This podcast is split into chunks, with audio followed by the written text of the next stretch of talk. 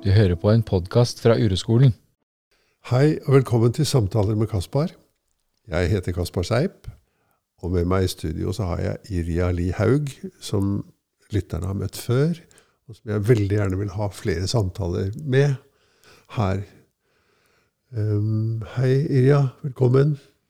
Hei, Kaspar. Tusen takk. Så hyggelig å se deg, altså. Ja Jeg er en gammel mann som kremter en del. Ja, og jeg puster en del. Ja. Bra team. Ja, vi har bra team. Uh, ja, hvordan har du det? Ja. um, livet går jo opp og ned. Som det gjør for Ja. alle, da. Ja, Ja.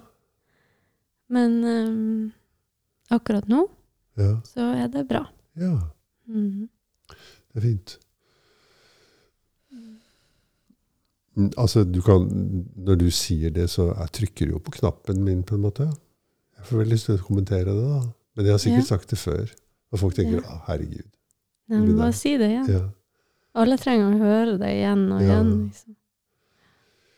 Du vet eh, eh, Det fins ikke noe annet enn akkurat nå. Mm. Hvis du da, Irja, og jeg som sitter her, og de som hører på oss, tar det inn Det fins ingenting annet enn akkurat nå. Mm.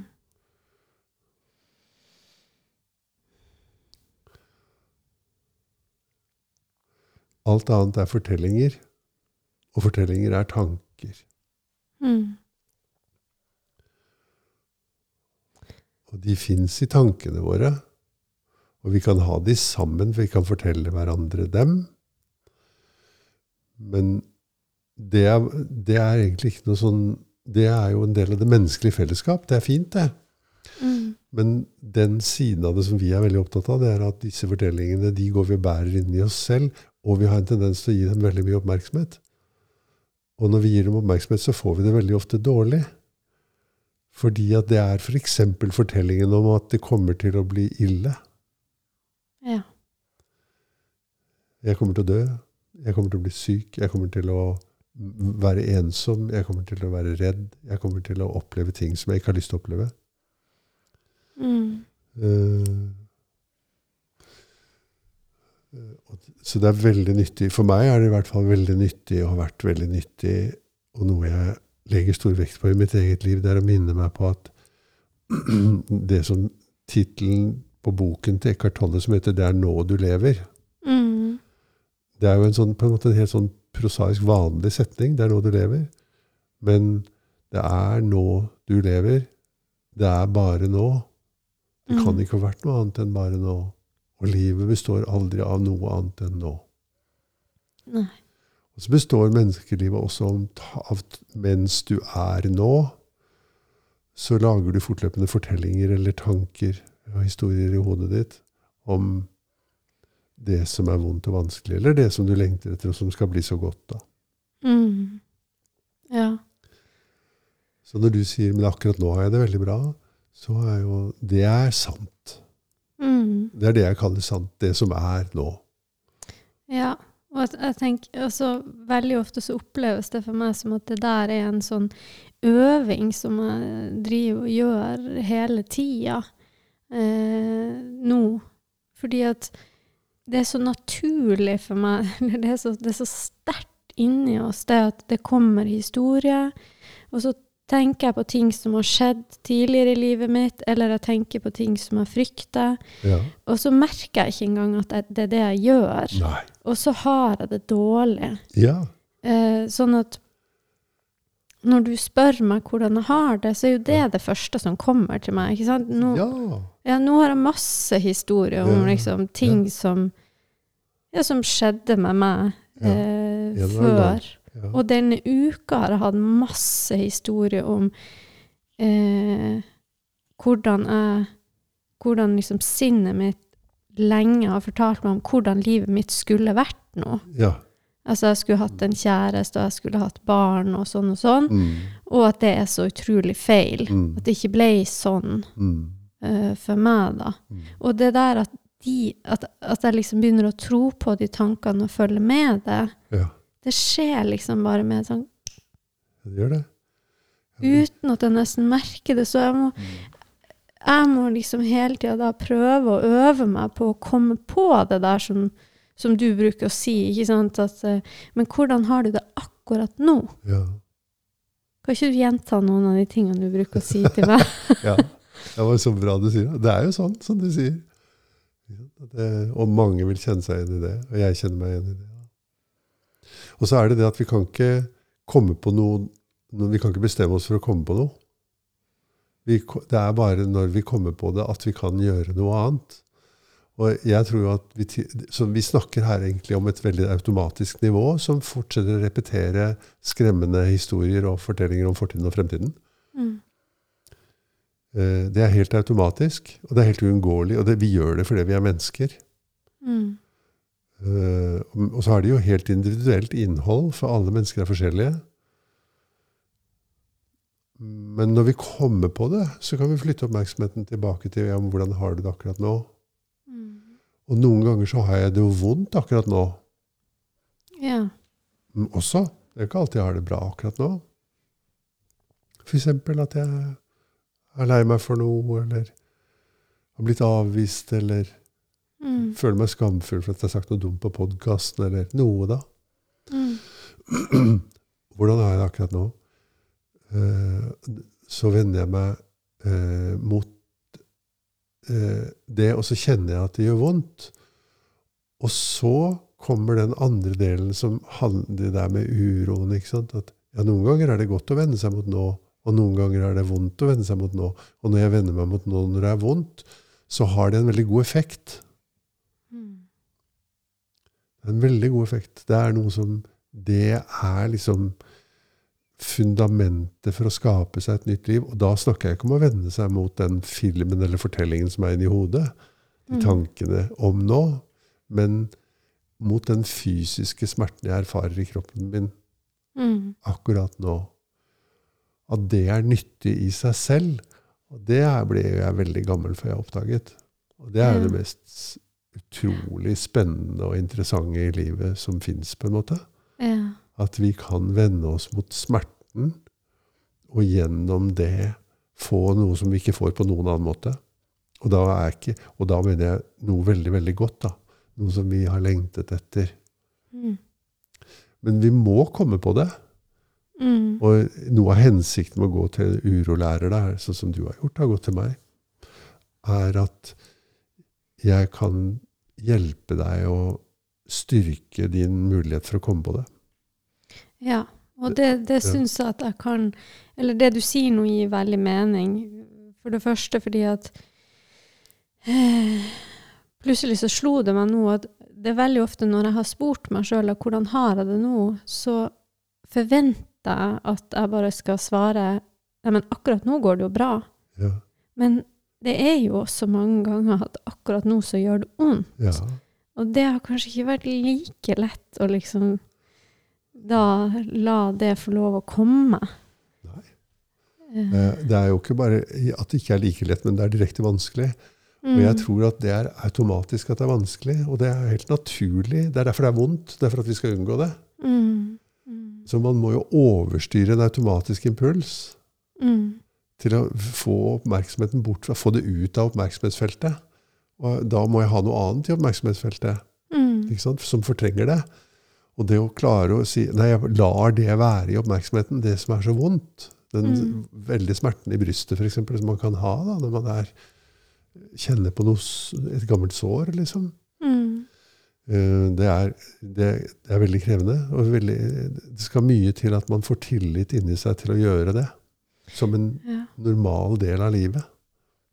Det er derfor jeg tenkte det var så fint når du sa det for da oppdaga jeg at, at jeg nok ofte eh, Kanskje har fått det litt for meg sånn at hvis jeg spør meg sjøl hvordan har du det akkurat nå, så, så har jeg tenkt at de gangene jeg kjenner at det er vondt, så er det fordi at jeg tror på tanken.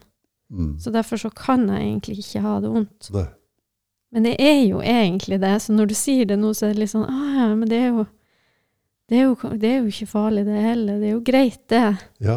At det ikke alltid er liksom Nei da, men det, det går bra hvis jeg bare ikke tenker på ting. Det kan òg være at jeg bare kjenner at det gjør Ja. vondt. ja. Ja. Og det andre som, som jeg også tenkte når du sa det her i sted, var at um, det er også litt godt å høre at du sier at det å gå til en urolærer kan hjelpe meg og mange andre til eh, å etter hvert komme oftere og oftere på det. Mm.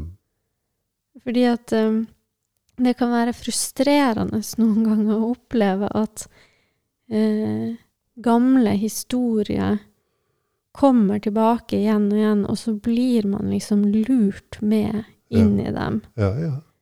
Eh, og, ja, og da har det vært eh, Og det, det betyr mye for meg å liksom bli minna på mange av de samme tingene igjen og igjen og igjen, fordi at eh, da, da er det akkurat som det fester seg litt og litt Ja. mer hver gang. Men du ser at det, det, dette her er egentlig snakk om læring, da. Mm. At sånn er det med alle ting du har lært. Kan du spille noe instrument eller sånn? Litt piano. Du kan spille litt piano, ja. Ikke sant? Liker å spille piano? Ja. Ja. Og, sånn at når du ser et piano, så kommer du på at du kan spille, og du setter seg der kanskje av og til ved det og spiller litt. Ja, det er Veldig ikke mye. så veldig mye, men Nei, men litt, da. ja. Men det, det handler om å ha lært noe. Og etter, når vi lærer noe, så får det vi lærer om, større og større plass i oppmerksomhetsfeltet. Og, det vi blir in, og vi blir interessert i det. Det er jo et annet navn på det samme. Vi Mm. blir interessert i det. Vi får erfaring med at dette her funker jo. Vi Mm. blir belønnet for å gjøre det fordi at det funker. Mm. Så det er derfor det er så viktig at, å få den undervisningen. Få, den, få hjelp til å lære det. da. Mm. Og det er egentlig veldig Det er som all annen læring. ja. Uansett. altså. Lære å fiske, liksom. Hvordan gjør man det egentlig der oppe i Målselven hvis man vil fange en ørret? Liksom? ja. For det kan være at det er helt annerledes hvis, eh, enn det er man fisker på Madagaskar. liksom. Ja. Ja. Mest sannsynlig veldig annerledes. ja. Og man må liksom dit, og så må man se hva man har til rådighet, og så og så må man være, og så må man kanskje til og med lære at man må vente litt. Mm. ja det Prøve mange man ganger før man får noe. Ja. Ikke gi seg bare fordi man ikke får noe første gangen. Nei, det er sant. Ja. Men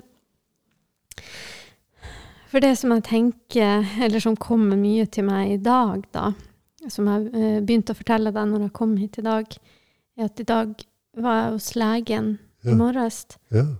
Eh, og da kom jeg til å tenke på eh, da Eller da kom hele den historia til meg om hvorfor jeg eh, sto på venteliste til akkurat det legesenteret til den legen. ja. Det er en fortelling. Ja. Eh, og den eh, Da var jeg under eh, oppfølging for eh, spiseforstyrrelser. Eh, egentlig fra en lege som var en sånn studentlege mens jeg studerte. Ja. Eh, men så er det jo sånn at når du da ikke er student, da kan du ikke fortsette å gå til en studentlege. Eh, og i den samme perioden så eh, skulle jeg avslutte med det behandlingsopplegget som jeg hadde vært en del av i fire år på sykehuset. Ja. Eh, og egentlig så var det bare som at det som skjedde da, det var det jeg egentlig hadde venta på i fire år. Jeg hadde egentlig bare gått i fire år og frykta og vært redd for den dagen der jeg eh, var ferdig med det behandlingsopplegget på sykehuset, Ja. og ikke hadde noen som Noe sånn sikkerhetsnettverk rundt meg der. ja.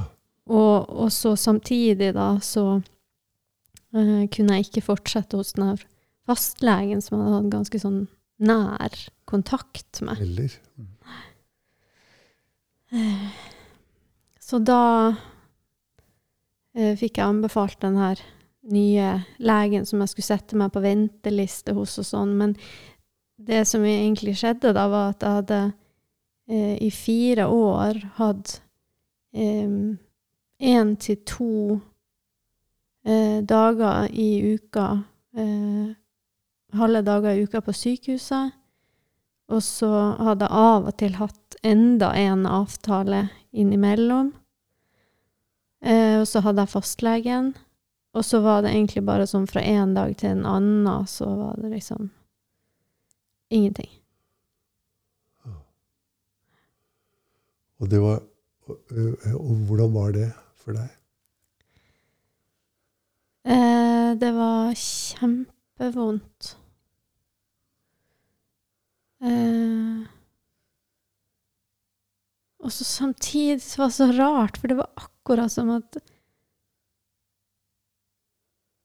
Det var ikke som jeg, jeg visste At jeg hadde visst i alle de åra nå at en dag så kom det til å bli sånn her.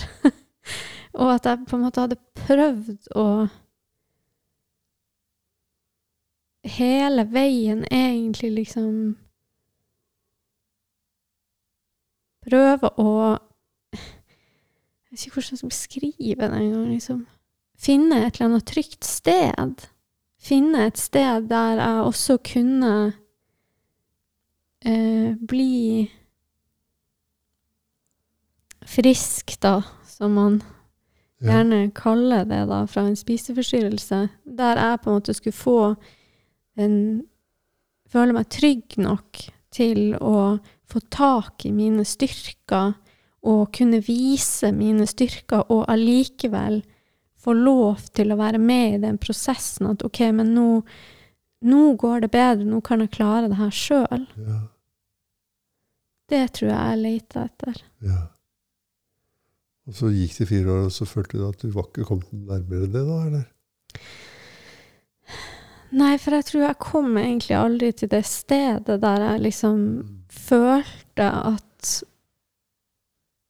At jeg verken klarte sånn helt å forstå inni meg sjøl, heller at eh, det er noen mekanismer inni meg nå som er så ekstremt redd for å bli forlatt, eller bli liksom stående aleine.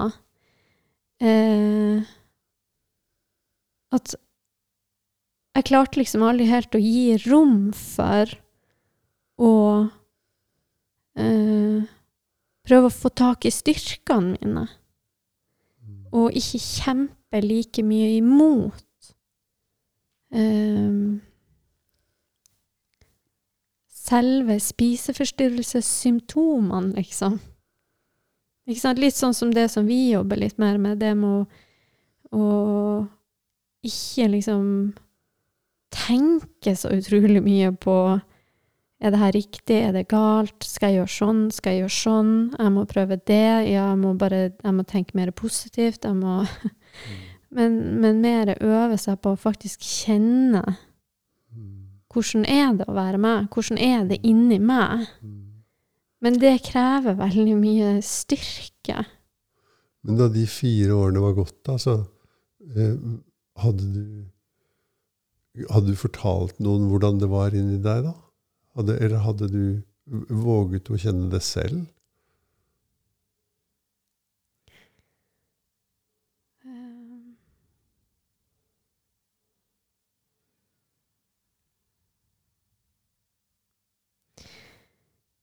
Altså Egentlig så jeg var vel den eh, Det behandlingsopplegget liksom litt over tre år.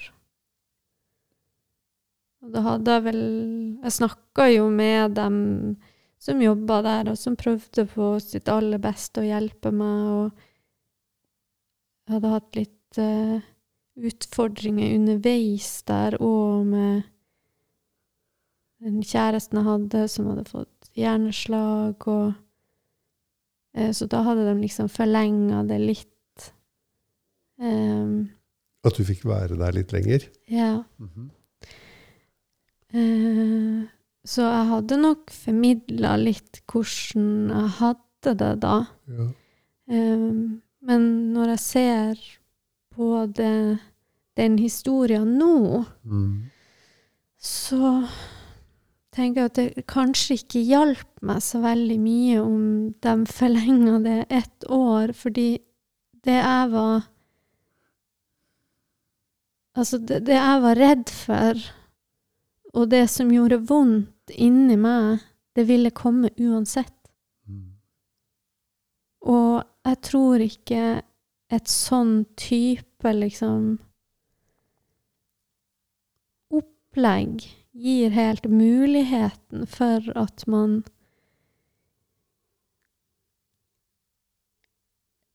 ja, klarer å komme i kontakt med Mm. Er, hvordan er det egentlig inni meg. Mm. For hvis jeg tenker på det nå, hvordan var det inni meg? Jeg var jo egentlig Altså, jeg var jo egentlig redd fra Liksom den første start der Mm. at Og jeg trodde òg hele tida på liksom Men jeg er ikke Jeg er sikkert ikke syk nok. Til å være her. Mm. Uh, Sa du Snakket du om å være redd med de, husker du det? Snakket dere om å være redd i den terapien du gikk i på sykehuset? Ja, det er et godt spørsmål. Altså Uff, det er vanskelig å tenke på det. her. Ja, det er vanskelig å tenke på det. Og hvordan, hva kjenner du Hvis du jeg bare ser på meg litt, og så, og så kjenner du bare etter i kroppen din, flytter oppmerksomheten ned i kroppen din nå, Ja. og så føler du deg selv fra innsiden i brystet ditt, mellom gulvet og i magen, og så, og så gir du litt slipp på den fortellingen. Ja, sånn er det nå. Når vi går tilbake, så sterkt virker de fortellingene, ikke sant? Historiene. ja. Men, og nå vender du deg mot det som gjør vondt, som du har kommet i kontakt med. Og så spør jeg deg nemlig en veldig hemmelig setning. Jeg sier, ja, men vil du ha det sånn som du har det nå da, Irja? Shit, spørsmålet der, altså. Ja. Akkurat som hvis jeg hadde vært på det sykehuset, hadde jeg spurt om det til folk som var redde. Ikke sant? Så jeg sa, ja, men vil du være redd da? Svaret skal jo være ja. Ikke sant? Og, vi, og det er automatisk nei. Ja, det er det. Men når du akkurat nå øver deg, da, akkurat sånn som du kjenner det nå den, Nå går den bølgen ned, da. Men hvis du sier til den følelsen 'Jeg kjenner deg veldig godt ennå', og mange ganger kommer du til meg, og automatisk så prøver jeg å komme unna deg og få deg vekk igjen. Men akkurat nå skal du få være hos meg. Akkurat nå skal jeg gjøre alt jeg kan for å være sammen med deg. Og hvis jeg klarer det ett sekund, så klarer jeg det. Sånn er det. Og da kommer det jo tårer, og det kommer eh, ja, Kroppen uttrykker de dype, smertefulle følelsene som ligger bak hvilket som helst symptombilde. Det har ingenting med spiseforstyrrelser å gjøre, det. Mm. Såkalte spiseforstyrrelser. Det er bare et symptom. Det er dette som er eh, det dypt menneskelige som vi forsøker å holde på avstand. Ja. Ja. Ah, vi puster, vi slapper av og sier ja, jeg blir her, og jeg øver meg. Og når jeg kommer på det, så kan jeg vende meg mot deg og si ja. Bli her, bli her hos meg. Jeg vil være her hos deg. Ja. Du skal få komme til meg. Jeg skal prøve, ja, alt jeg kan for å holde rundt deg her hos meg. Og du kjenner at Hvis du hadde vært alene nå og gått gjennom det, så, hadde, så er det veldig vanskelig. Ikke? For man må trene masse da. Det er ikke Ja. umulig, da. Jeg har blitt mye bedre til det. ja. Eh, Du har også blitt mye bedre til det. Så vidt jeg kan se. Altså, ja, for akkurat nå så kan jeg liksom kjenne OK, jeg kan, jeg kan tåle det her. Ja. Og jeg kan klare å se på det. ja. Samtidig. Fordi Ja. det her, det minner meg jo ekstremt mye om akkurat sånn det var da. Ja. For da satt vi i en sirkel, og um, Og da var det akkurat det her som skjedde, men, men på en helt annen måte, da. At uh, Jeg klarte ikke å se på noen. Mm. Og jeg ble så med opp i tankene mine Mm. at igjen og igjen og igjen så mista jeg helt eh, grepet på meg sjøl. Eh, I en, en slags sånn panikkangst og Mm. litt sånn Ja, det er som man kan kalle litt sånn dissosiasjon. Ok. At eh, liksom Man mister litt sånn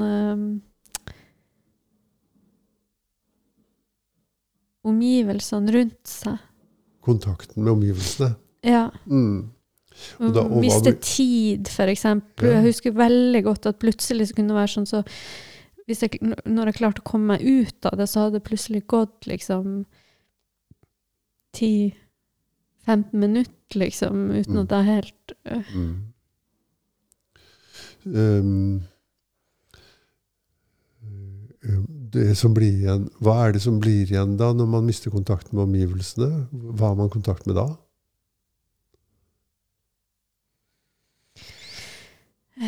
Hva var din erfaring?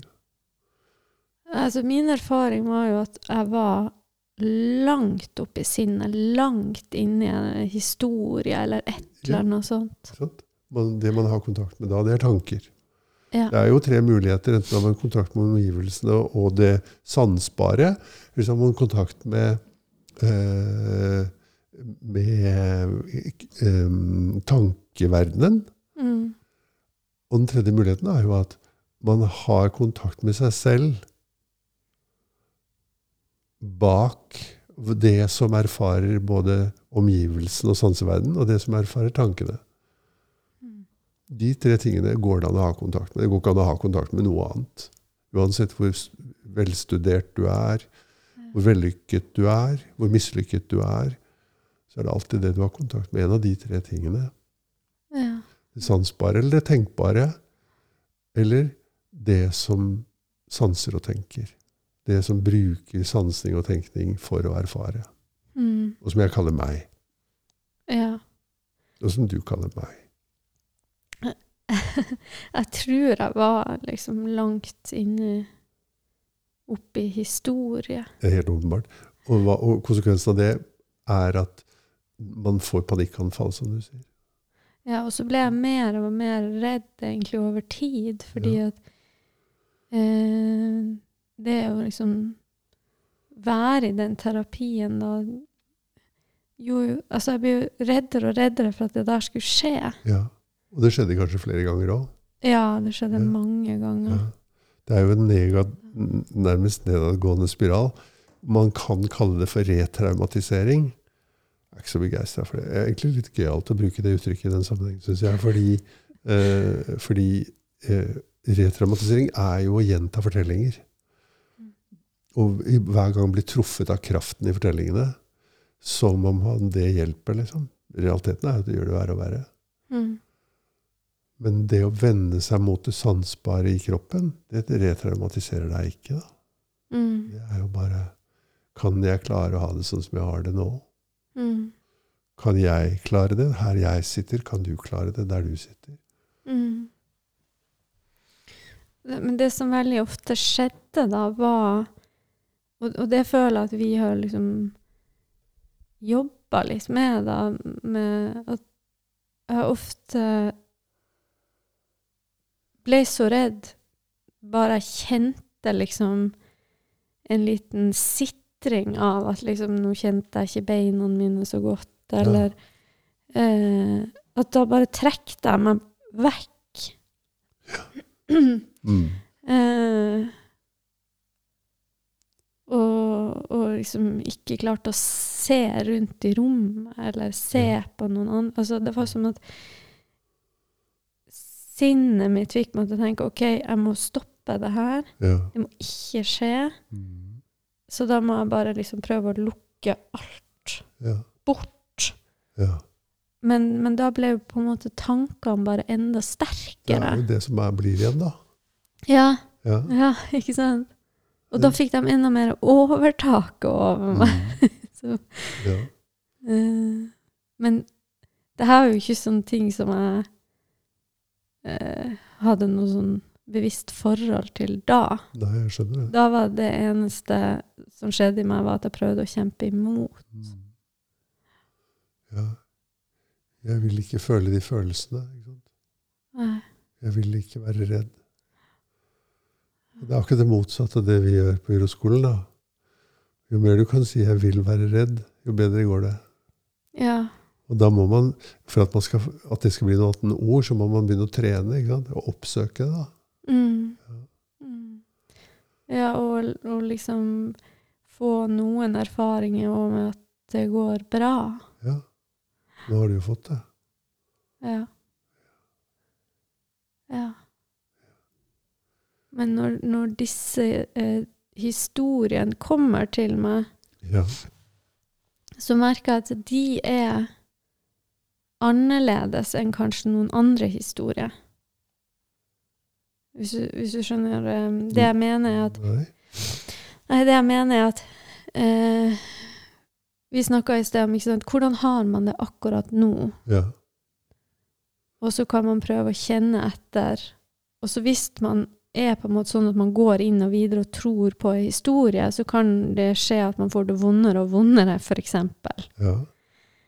Eh, men, og så kan man oppdage da, etter hvert, at oi, der er det en historie om at jeg ikke er bra nok, eller der er det en historie der, eller Og så kanskje man klarer å stoppe opp og så liksom kjenne hvordan er det egentlig å være meg nå? Mm. Og den historien er egentlig ikke så viktig. Men så er det noen historier som har liksom større grep om Ja. Ja, Ja, Og det er for eksempel den historien mi da om spiseforstyrrelsen og. Hvordan den er hos meg nå. ja. Og den er liksom enda sterkere og vanskeligere å liksom um, ikke tro på. Mm. Ikke følge med.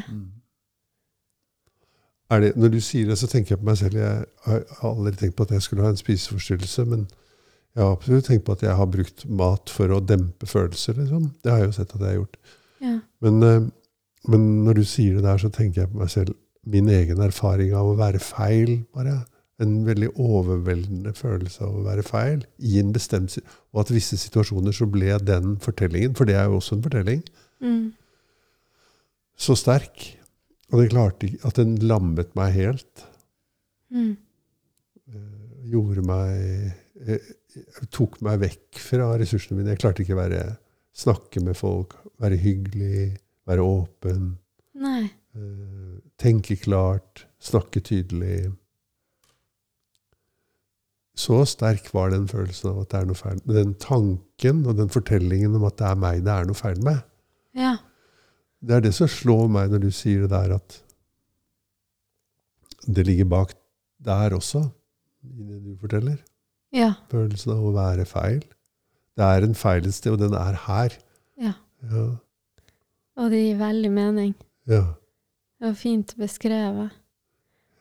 Fordi, ja, det er jo egentlig akkurat det dette her handler om. ja. At i utgangspunktet så har jeg vel egentlig følt meg feil helt siden jeg var barn, liksom. ja. Eh, men så da når eh, Når jeg ble mer, når jeg ble mer voksen, og det ble på en måte satt mer eh, Ja, du har en spiseforstyrrelse, eller det her er Er Det noe feil. Ja, dissosiasjon eller angst, Mm. eller Ja, det her, der er feilen. Mm. Og så når jeg da kommer inn i en slags behandling for å liksom bli kvitt den feilen, Ja. ja, da er jeg feil da òg. ja. Fordi at da har jeg ikke den riktige formen, liksom, for eh, eksempel angst. Eller det er ikke den eh, Altså, sinnet får meg til å tro at nei, men jeg er feil for at jeg ikke spiser forstyrra nok. ja. Sånn at jeg har ikke rett på den plassen her. Jeg må egentlig bare komme, komme ut av det her igjen, for at jeg Så den overordnede paraplyen som er 'det er noe feil med meg', den kan på en måte appliseres på en, den kan plasseres eller brukes i enhver sammenheng. da. Ja. Og, og så prøver, I hvert fall så lenge man driver og prøver å rette feilen. Istedenfor å altså, Man prøver å bli sånn som man tror man burde være. Og det er vel kanskje det du har erfart også da, når det gjelder behandling av spiseforstyrrelser, at man prøver å få folk til å begynne å spise. Mm. De som er spiseforstyrra, de må begynne å spise. Mm. De må opp i vekt, og de må ditt og datt. Liksom. Eller kanskje de må ned i vekt også, for den saks skyld. Ja, eller, eller Ja. det kan være slutte å Noen må ned, og noen må opp. Ja, Ja, eller slutte å kaste opp, Ja. eller spise mer variert, eller altså. Ja. Det kan jo være veldig, veldig mye forskjellig, da.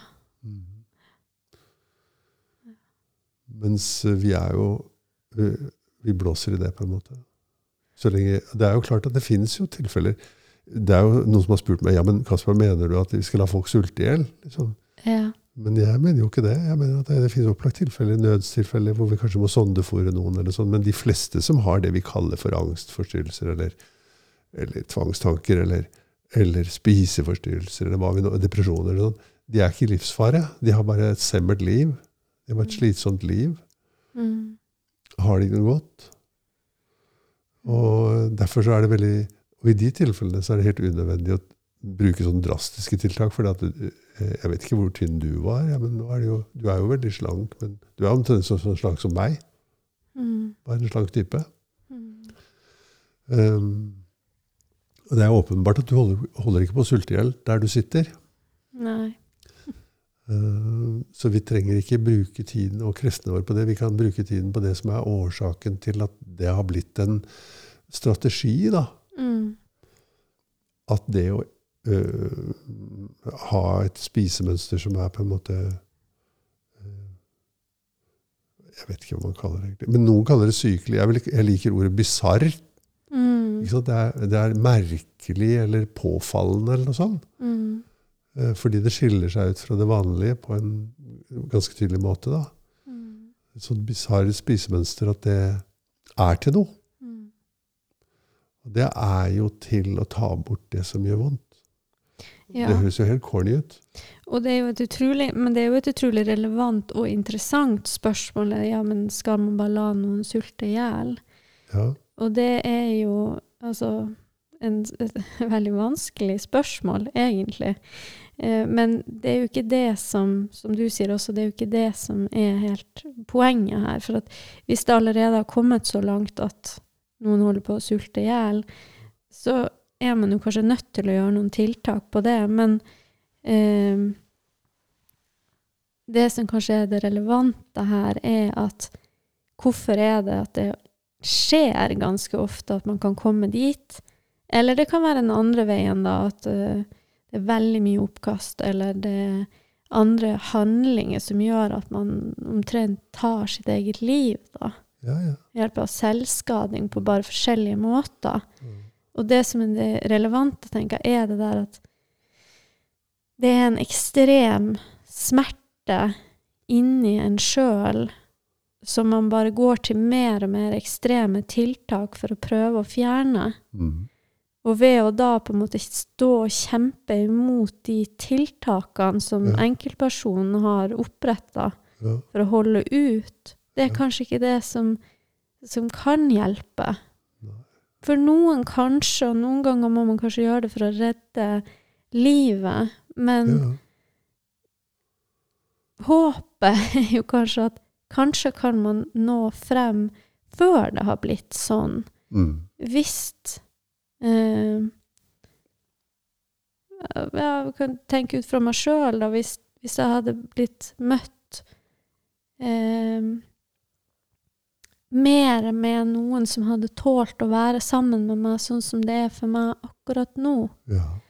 Noen som hadde eh, hjulpet meg enda mer å tåle Mm. og kjenne på hvordan er det å være meg. Mm. Og der det også kan være dager der det går bra, og dager der det går dårlig, Mm. uten at det er en sånn tidsfrist på at ja, men da skal du være frisk, eller da slutter det her, eller da Altså en mer liksom menneskelig tilnærming, da. Ja. Og hva skal til for at folk tåler å være sammen med en som har det veldig vondt inni seg, og som uttrykker den smerten? F.eks. ved gråt. da. Hva er det som skal til for meg for å kunne være sammen med deg? At du kan tåle din egen smerte Ja, som ja. du kjenner da. Ja, det er det. Og det er det jeg eh, har kjent på min egen frykt, min egen hjelpeløshet, Ja. min egen ensomhet, så mye at den ikke kommer og sparker bein på meg Mm. i møte med deg. da. Og, og, og at jeg da istedenfor å holde min egen smerte sammen med deg, for det er jo det jeg kjenner. Jeg kjenner jo ikke din smerte, jeg kjenner min smerte. Mm. Eh, hvis jeg ikke klarer å holde den, så går jeg i gang med automatiske strategier som vi ser veldig mye av i det terapeutiske, nemlig at man forsøker å ta bort og få deg til å slutte å være så eh, ha så sterke smerter som du har, da. Mm. Med medisiner eller samtale eller hva det nå er. Mm. Det er jo nettopp det å ikke ta fra folk smerten som er veien. Mm. Mens vi lever i et samfunn som, hvor alt handler om å få, finne tilbake til komforten. Ja. Og det er vanskelig å forstå, men vi kan jo ikke gjøre noe annet enn å prøve, vi, da. Jeg synes vi. Og vi har ikke tenkt å gi oss, har vi vel? Nei. Vi skal virkelig gjøre det. Ja. Og så vil jeg bare gjerne skyte inn nå at når man, hvis man snakker om en spiseforstyrrelse, så, så er det jo veldig ofte sånn at man tenker at det å være veldig tynn. Ja, Men det kan jo være veldig mange forskjellige ting. ja. ja. Og det er jo ikke egentlig så viktig hva det er. Det som er det viktige, er jo bare at det er jo et, eh, Noe man gjør for å fjerne noe som gjør veldig, veldig vondt. ja. Eh, og da er det ikke noe eh, Da blir det sånn at ok, men hvis noen holder på å sulte i hjel, ja, da er det virkelig alvorlig. Men hvis noen kanskje heller mer mot overvekt og eh, har masse andre rare ting de gjør, altså oppkast eller eh, avføringstabletter eller et eller annet, da, da er det liksom ikke like farlig, kanskje, fordi at ja, men da er ikke denne personen så nær å dø. Men det er jo bare forskjellige uttrykk av den samme liksom lengten, eller eh, den samme smerten som man ikke klarer å kjenne på. Og det er jo det, er jo det som er det, det viktige man trenger hjelp til. Når du sier, når du sier 'ikke klarer å kjenne på', så mm, på grunnskolen så bruker vi et annet ord da, Mm. for det, og det er å romme. Ikke klare å romme. Ikke, at det er en smerte vi klarer, man ikke klarer å romme. Ja, det var fint. Eh, Det betyr å ha rom for. Ha et, man har ikke et sted eller en kapasitet eller en evne til å holde denne smerten. Mm. La den være som den er. Ja. For smerten er jo som den er. Ja. Og så tror vi om oss selv at ikke vi kan klare det. Ja. Og det er den treningen i det å bli oppmerksom på vår kapasitet til å romme smerte, Ja. og så begynne å trene på det, det er det vi driver med. Ikke sant? Og det, det Jeg syns fortsatt det ofte er vanskelig at jeg plutselig er lurt inn i tankene mine. Ja. Og kanskje det kommer til å være vanskeligere i livet, men kanskje også det er sånn at ja, men man kan merke sin egen fremgang i denne ferdigheten. Mm. Og si at ja, men der hvor jeg hadde en slik reaktiv atferd, enten det var spiseforstyrrelser eller eksplosivt sinne eller irritasjon over andre mennesker, Mm. så har jeg mer eh, toleranse eller mer eh, kapasitet eller ja, mer større bredde i hvordan jeg kan håndtere situasjonen Ja. enn jeg hadde før. For det er jo slik det vil ytre seg. At jeg ikke trenger å bli så sinna eller Mm. trenger å bli så irritert på omgivelsene. Men at jeg isteden kan møte det med mer medfølelse, mer vennlighet, mer interesse, mer humor, mer Mm. intelligens. Og det er det jeg kan kjenne da, at det er Jeg har fortsatt mange av de mønstrene og strategiene, men jeg, går, jeg, jeg kan komme litt raskere ut Ja. av f.eks. Eh, eh, det man kan kalle at man liksom litt på vei inn i en depresjon, eller ja. spisemønsteret blir veldig forstyrra, så, så, eh, så, så kan jeg liksom klare å romme litt mer når jeg er i vanskelige perioder, sånn at da blir ikke strategien like sterk. Mm. Komme litt raskere ut av å tro at nå går det ikke lenger. Ja. Ikke sant? Vi kan være litt raskere ut av det. Altså, eh, I møtet mellom deg og meg så er jo det noe av det som skjer noen ganger. da, At jeg, at jeg eh, når du kommer til meg og sier 'nå går det ikke lenger', Mm. eh, 'dette går ikke', det er for mye, så kan jeg bare være litt sammen med deg, og så ser vi litt på det, så ser vi at ja, men nå går det allikevel, gitt. Mm. Ja, og, og da er det veldig ofte at den indre kritikeren min kommer til meg og sier at liksom nå Det her eh, Du kan ikke være sånn, Irja. Du må, ja, du må tenke mer positivt. ja. ja. Ja, det er bare å gjøre det. Alle, alle de som kan tenke positivt, de må bare gjøre det. Det er, litt, det er fint, det. Mm. Ja. Ja, det har ikke funka for meg. Det, det har ikke funka for meg heller. Men den ekte positive tenkningen, den er egentlig å se det eh, eh, veldig enkle forholdet at smerte er veien til tilfredshet. Mm. Ikke påført smerte, men det å ta den smerten vi alle mennesker har, da, Mm. som ligger inni oss, og som vi forsøker å unngå, den smerten er veien til tilfredshet med livet. Mm. Det er vanskelig ofte å komme på det når man, kjenner, Mm. når man er i kontakt med den smerten.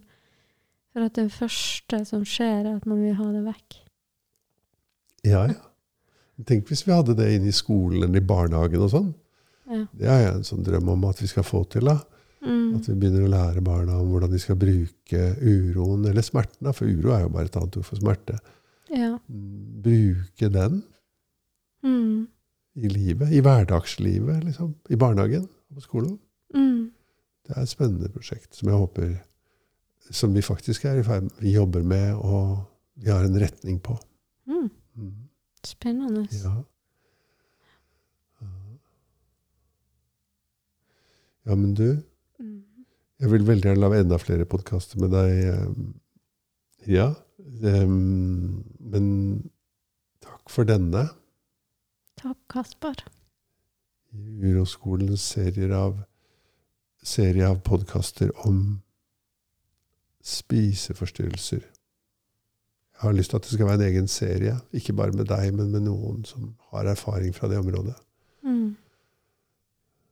Jeg syns det er en veldig fint, veldig typisk ting og fin ting å jobbe med. Mm. Og se på, se grundig på. Så takk for i dag. Vi ses neste gang. Takk for i dag, Kaspar.